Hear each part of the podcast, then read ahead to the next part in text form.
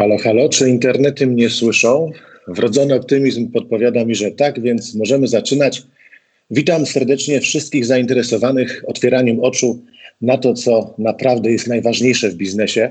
W ramach ruchu Open Eyes Economy startujemy z nowym cyklem, z nową serią Mówiąc Otwarcie. Będę w niej rozmawiał z ludźmi, którzy mają coś ważnego do powiedzenia na temat wartości w biznesie.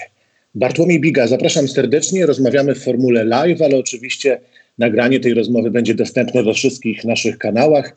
Nie podaję konkretnych namiarów, bo po pierwsze jesteśmy bardzo dobrze wypozycjonowani. Jak piszecie Open Eyes Economy w wyszukiwarce, na pewno nas znajdziecie. Po drugie, jeżeli słyszycie te słowa, to zakładam, że już jakoś dotarliście do nas, wyłowiliście te nasze treści w morzu internetowych różnych mniej i bardziej wartościowych treści. Bardzo jesteśmy za to wdzięczni, za więc mówiąc otwarcie, czas zaczynać. Zakładamy, że będzie to formuła krótka, dynamiczna, ale też mamy nadzieję treściwa. Mówiąc otwarcie, cieszę się, że jesteście z nami i mówiąc otwarcie, zaczynamy. Moim gościem jest pani Dominika Betman, prezes Siemens Polska. Dzień dobry. Dzień dobry, witam wszystkich serdecznie. Cieszę się, że możemy rozpocząć e, ten cykl, który mam nadzieję na stałe zagości w pejzażu Open Eyes Economy, bo wiele rzeczy ostatnio się zamroziło. Open Eyes Economy się nie zamraża, wręcz przeciwnie, działam bardzo aktywnie i staramy się w tej przestrzeni wirtualnej mówić o tym, co dla nas ważne, a dla nas wszystkich ważne są wartości w biznesie, także te pozaekonomiczne. Ale ostatnio docierają do mnie takie sformułowania, które budzą niepokój. To znaczy, wiele osób mówi tak, no wiecie, ten czas na mówienie o wartościach pozaekonomicznych w biznesie to był dobry w czasie dobrej koniunktury. Wtedy można było sobie pozwolić na takie fanaberie, a teraz przez kryzys już nie będzie na to miejsca. Co takim ludziom można powiedzieć? Y, przede wszystkim to, że mm, fanaberią jest próba uniknięcia skonfrontowania się z wartościami. Że ten czas koronawirusa, sytuacja kompletnie y, out of the box, taka, która nas całkowicie zaskoczyła, zarówno nas przedsiębiorców, jak i w ogóle nas jako społeczeństwo, to ona właśnie sprawia, że te proste odpowiedzi, które do tej pory funkcjonowały, generujmy zyski, pozyskujmy nowych klientów, e, realizujmy nasze plany, że one wszystkie z dnia na dzień rozpadają się jak e, domek z kart i widać, że trzeba sięgnąć do czego? Właśnie do wartości. E, I stąd moim zdaniem to właśnie nie jest fanaberia, to jest właśnie jedyna silna strona funkcjonowania firmy dzisiaj bo tak naprawdę, jeżeli mówimy o chociażby takich wartościach jak odpowiedzialność, jak e, innowacyjność, e, czy jak doskonałość, mówię o tych wartościach, ponieważ one akurat są bliskie mojej firmie, to każda z nich dzisiaj przechodzi swój egzamin zarówno w środowisku firmy, jak i w stosunku do zewnętrznych interesariuszy. Jesteśmy odpowiedzialni oczywiście za swoich pracowników, za ich zdrowie, życie, bezpieczeństwo. Współdzielimy tę odpowiedzialność z innymi, ale jednocześnie innowacyjność, która do tej pory można powiedzieć, że firmy były w blokach startowych, jeśli chodzi o zastosowanie i wdrożenie nowoczesnych technologii. I teraz właśnie ta wartość związana z innowacyjnością odgrywa największą rolę. Nagle bez komunikatorów internetowych nie jesteśmy w stanie się w ogóle porozumieć. Nagle nasi klienci infrastrukturalni mówią, że potrzebują natychmiast zdalnego dostępu do swoich urządzeń, serwisu swojej infrastruktury, a więc po prostu te wymagania, które znaliśmy je od dawna i wiedzieliśmy, że innowacyjność jest ogromną wartością, tak samo jak wiedzieliśmy, że tą e, wartością jest e, także odpowiedzialność, ale tkwiliśmy w takim rodzaju bezruchu. Zastanawialiśmy się, czy aby na pewno.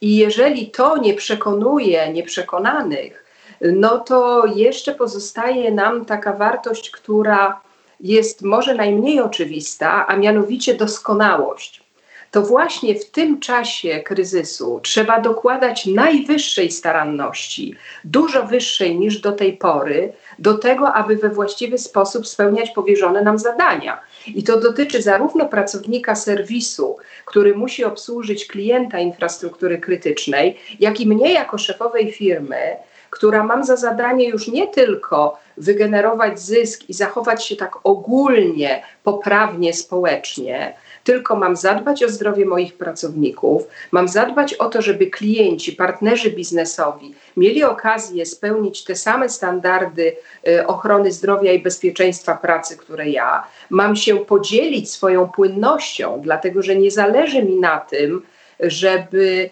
y, firmy mniejsze upadły, bo one są w moim łańcuchu wartości. Także proszę Państwa, to naprawdę nie są żadne fanaberie.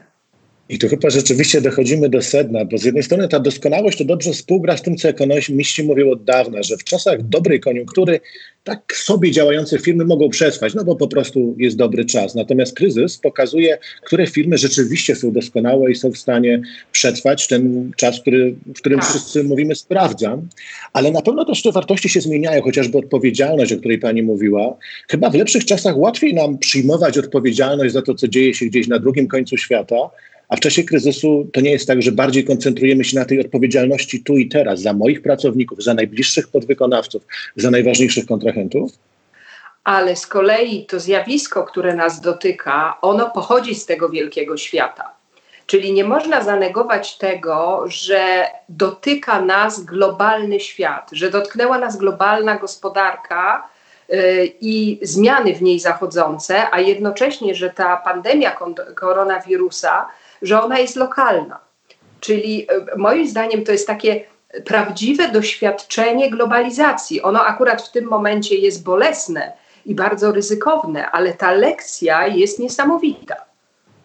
Ale to nie jest tak, że w związku z tym, że pali nam się pod nogami tutaj i teraz, to coś, na co wiele firm zwracało uwagę, na przykład na, nie wiem, surowce na drugim końcu świata, na i warunki pracy ludzi y, w krajach dalekiej Azji. Nagle teraz, nawet jeżeli gdzieś nas to uwiera, to nie mamy, mówiąc w cudzysłowie, mocy przerobowych, żeby się na tym skupić i uderzyć pięścią w stół i powiedzieć, mimo tego kryzysu my oczekujemy tutaj pewnej poprawy. W globalnym koncernie to działa w ten sposób, że dostawy do mojego klienta w niewielkiej firmie, małej czy średniej firmie w Polsce zależą od łańcucha e, globalnego dostaw Siemensa. Czyli mnie żywotnie interesuje to, czy fabryki e, Siemensa w Chinach produkują, czy nie produkują. E, czy fabryki we Włoszech, dla których jesteśmy dostawcą usług serwisowych, będą się otwierać wcześniej czy później a więc ja myślę, że tu nawet występuje odwrotne zjawisko e, do tego, o którym Pan mówi. Nie tylko, że można to pominąć, ale nawet wręcz trzeba te wszystkie globalne zjawiska bardziej brać pod uwagę w planowaniu swojego biznesu tu i teraz niż do tej pory. Bo do tej pory braliśmy to za dane, po prostu to funkcjonowało, nawet nie myśleliśmy o tym, jak funkcjonuje ten łańcuch wartości. Z punktu widzenia firmy działającej w Polsce, e, jedynym stykiem z tymi wszystkimi transgranicznymi transakcjami to była kontrola eksportu. A w tej chwili y, można powiedzieć, że y, to, czy obsłużę mojego klienta, zależy właśnie od tego, czy ten łańcuch się sprawdzi. Choć oczywiście są takie tendencje, i myślę, że w podtekście Pana pytania też to się znajduje, mianowicie, czy to oznacza, że będziemy w tej przyszłej gospodarce dążyć do tego, żeby te łańcuchy dostaw były krótsze, tak, żeby one nie obejmowały całego globalnego świata, tylko na przykład region. Bo zagrożenia jednak y, w, na mniejszej przestrzeni geograficznej, one prawdopodobieństwo wystąpienia wielkiego zachwiania na tej mniejszej przestrzeni jest mniejsze niż na całym świecie. I to jest jakiś kierunek, oczywiście, i mówi się o tym, że być może nawet jest to szansa także taka rozwojowa dla Europy Środkowej że powinniśmy tutaj zewrzeć szyki z krajami ościennymi i rzeczywiście budować e, kompetencje szersze właśnie w tym regionie. Natomiast ja się w tym obawiam znowu takiej gospodarki kominowej żebyśmy znowu nie popadli w to, że rozwijamy tylko pewne sektory e, w tym regionie. No i cóż nam z tego, jeśli i tak będziemy połączeni innymi elementami łańcucha wartości z resztą świata. To prawda, wielu ekonomistów otwiera oczy ze zdziwienia i to nie tak jak my w Open Eyes Economy, po to, żeby widzieć lepiej, tylko właśnie ze zdziwienia, ale jak to globalizacja może być ryzykowna, mogą być problemy z tego wynikające, tak? Globalizacja niesie też pewne ryzyko. Ale teraz przejdźmy do konkretnych zastosowań tych wartości, o których mówimy. Y, chyba pracownicy zgadzamy się z tym, że pełnią kluczową rolę w firmie i nasz ruch bardzo zwraca uwagę na to, że trzeba ich traktować jako ten najcenniejszy zasób. Teraz jest duża dyskusja, jak dużo problemów, które się pojawiły, związanych z tym, że czasami jest problem, żeby właśnie wypłacić pensję, powinien wziąć na siebie pracodawca, a być może tutaj po prostu powinno wejść państwo. Jak w Siemensie państwo to rozwiązują? Tak, globalnie to wielkie firmy już od dawna e, pełniły w różnych obszarach rolę państwa, opieki zdrowotnej, rozwoju pracowników, czyli zdrowie, edukacja, rekreacja. To były już te obszary działania firm i zresztą nie tylko wielkich korporacji, e, które już od dawna się sprawdzały, były realizowane. Natomiast obecna sytuacja jest absolutnie wyjątkowa, ponieważ wymaga e, skupienia się na podstawowej wsi, która się bardzo teraz ujawnia w tym katalogu wartości, a mianowicie życiu i zdrowiu ludzkiemu. E, I tutaj ja, e, moja odpowiedź byłaby taka. Ja uważam, że tu bardzo ważne jest współdziałanie. To znaczy, swoją rolę do odegrania ma naturalnie pracodawca i moja firma to robi. Właśnie pół godziny temu skończyłam spotkanie ze wszystkimi pracownikami. Mam takie cotygodniowe spotkania, gdzie jako CEO firmy informuję ludzi o najważniejszych zmianach związanych z przestrzeganiem wszelkich zasad związanych z koronawirusem, z organizacją pracy, z bezpieczeństwem, z zagrożeniami, z szansami. E, I to, I to firmy to realizują. Oczywiście te wszystkie rzeczy związane z mm, ochroną, z higieną, e, to, to jest rola pracodawcy, zadbanie o zdrowie e, psychiczne pracownika, zadbanie o to, aby nie czuł się wyizolowany, Y, ta y, cała organizacja pracy zdalnej, godzenie ról, które nabiera zupełnie nowego mm, wymiaru, zwłaszcza jeśli chodzi o kobiety, ale nie tylko. Mężczyźni wreszcie, można powiedzieć, borykają się z tymi samymi problemami, z którymi do tej pory zawsze borykały się kobiety czyli z tą bardzo y, intensywną potrzebą godzenia ról. Y, I to wszystko się dzieje. I teraz państwo do tego wchodzi. I oczywiście od państwa my, jako przedsiębiorcy, oczekujemy sprawności w tych rolach, które państwo realizuje wobec przedsiębiorstw, a więc nie oczekujemy ingerencji w nasze modele biznesowe, czy mówienia nam, na jakich rynkach mamy działać, czy, y, czy który model gospodarczy jest lepszy, tylko mm, oczekujemy y, wsparcia w tych obszarach, w których w tej chwili następuje pogorszenie. My wiemy doskonale, że została i nadal jest y, opracowywana y, tarcza antykryzysowa. W tej chwili mamy do czynienia z tarczą 2.0, trwają prace nad kolejną wersją tej tarczy i my jako duży przedsiębiorca oczekujemy przede wszystkim tego, że państwo zadba o płynność przedsiębiorców i to zarówno małych i średnich firm, jak i tych dużych. To można robić poprzez Mm, uwolnienie kwot, które są na kontach VAT-owskich, poprzez zaniechanie pobierania składek ZUS-owskich, poprzez odłożenia do końca roku e, wdrożenia JPEK-ów. Czyli to są takie mechanizmy, które e, państwo ma w ręku, które może realizować i ja myślę, że właśnie z takiego współdziałania, czyli żeby każdy zajął się tym, e, co do tej strony należy. Tak? Do państwa zapewne należy zapewnienie tych stabilnych ram, tego poczucia, że działa administracja państwowa, że ona jest również dostępna tymi metodami y, elektronicznymi, mobilnymi. Tak jak dostosowaliśmy się wszyscy do tej pracy w tym trybie, tak też administracja państwowa, y, takie jest oczekiwanie, aby to robiła. Więc ja myślę, słowo klucz tutaj, współdziałanie, zrozumienie, no i to nie jest okres na udowadnianie sobie, na przykład przez państwo przedsiębiorcom, że wy zawsze byliście zorientowani na zysk. E, to nie jest ten moment. E, to teraz to jest moment na to, aby naprawdę zastanawiać się, jak ratować gospodarkę, jak ratować firmy przed upadłością, jak ratować miejsca pracy i współdziałanie bardzo wiele może tutaj pomóc. To jest pocieszające, że mamy w tym momencie, kiedy życie mówi sprawdzam, wielu przedsiębiorców rzeczywiście przyjmuje tę odpowiedzialność, nie tylko mówi o tym przyjmowaniu, ale podejmuje faktycznie konkretne działania, często kosztowne, ale czasem obawiam się, czy nie doprowadzi nas to do takiego trochę przerażającego wniosku, że to człowiek jest najsłabszym ogniwem dzisiejszej gospodarki, że tak naprawdę wszystkie te problemy wynikają z tego, że w wielu biznesach potrzebujemy tych ludzi i że to spostrzeżenie skłoni nas do tego, żeby jeszcze bardziej przyspieszyć automatyzację, żeby jeszcze bardziej skupić się na sztucznej inteligencji, na uczeniu maszynowym i że dojdziemy do tego, że człowieka w gospodarce będzie coraz mniej i ten zanik będzie coraz szybszy. to y, automatyzacja i sztuczna inteligencja i robotyzacja są dla człowieka, dla jego dalszego rozwoju i egzystencji, a nie odwrotnie. Y, I trzeba jeszcze pamiętać o tym, że to człowiek wymyśla, planuje i tworzy algorytmy, roboty, koroboty, chmurę y, i wszelkie przejawy sztucznej inteligencji. W związku z tym e, obecność człowieka w tym wszystkim jest w ogóle fundamentalna, podstawowa. I oczywiście są te obawy, o których Pan mówi, takiej, za, takiego zastąpienia robotyką, a pracy umysłowej sztuczną inteligencją. I jesteśmy oczywiście w pewnym procesie tych zmian. To jest bardziej uzupełnianie wiedzy i pewnych działań poprzez robotykę czy to sztuczną inteligencję, a nie czystego zastępowania.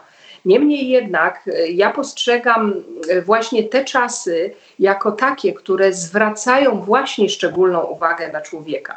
Bo przecież proszę zwrócić uwagę, te wszystkie działania, które podejmują przedsiębiorcy, te wszystkie działania, które podejmują rządy, organizacje międzynarodowe, one przecież mają na celu wesprzeć człowieka w tej transformacji. Ta transformacja związana z koronawirusem, ona była zapowiadana, na nią się zanosiło. Wszyscy wiedzieliśmy, że przyjdzie moment, w którym świat się zmieni. Oczekiwaliśmy tylko e, tego wyzwalacza, czy czekaliśmy na taki moment, w którym to się już stanie konieczne. I tu zadziałała natura ludzka. Po prostu do pewnego momentu działaliśmy na zachowanie status quo, wierzyliśmy, że stare metody mm, będą e, się sprawdzały, i nagle okazuje się, że ich już nie ma że ten stary świat wyparował. I to człowiek to stwierdza. To człowiek jest tą istotą, która ma tę odwagę, żeby się skonfrontować z tą rzeczywistością, żeby powiedzieć nie poddaje się, żeby pomyśleć społecznie o drugim człowieku, żeby się zainteresować swoim otoczeniem y, poza, poza własnym podwórkiem, poza firmą. Więc, więc ja myślę, że y, tutaj w ogóle nie możemy mówić o takich aspektach jak odsunięcie człowieka, czy wyjęcie człowieka z tego kręgu zainteresowań, e, czy to właśnie działalności firm, czy państwa. Choć oczywiście cynik zawsze panu powie, że ja robię to wszystko dla tych moich pracowników, dlatego że ja potrzebuję ich jako siły roboczej. No i ja z tym punktem widzenia polemizować nie jestem w stanie. Jeżeli ktoś takowy ma i żadne argumenty tej osoby nie przekonują, to bardzo trudno jest wejść tutaj w ścieżkę argumentacji. Natomiast perspektywa, z której się działa, jest bardzo ważna, bo ja działam nie z perspektywy cynicznej, tylko działam z perspektywy y, takiej pełnej nadziei, optymistycznej, z chęcią na to, żeby y, wprowadzić zmianę, żeby w, tym, w tej transformacji czy w tej zmianie ludziom y, pomóc przez nią przejść. Ja sama przez nią przechodzę. Przecież ja jestem takim samym człowiekiem w tej organizacji y, firmowej, jak wszyscy inni. Szanowni Szanowni Państwo, drodzy słuchacze, drodzy widzowie, Pani prezes jest uprzedzona, więc wie, co teraz nas czeka na koniec tej rozmowy. Ja chciałbym, żeby taką nową świecką tradycją tego cyklu było dokończanie zdań. I teraz y, poproszę y, mojego dzisiejszego gościa, żeby dokończył pięć zdań. To mogą być zdania wielokrotnie złożone, jeżeli to wymaga, ale mam nadzieję, że to będzie konkret.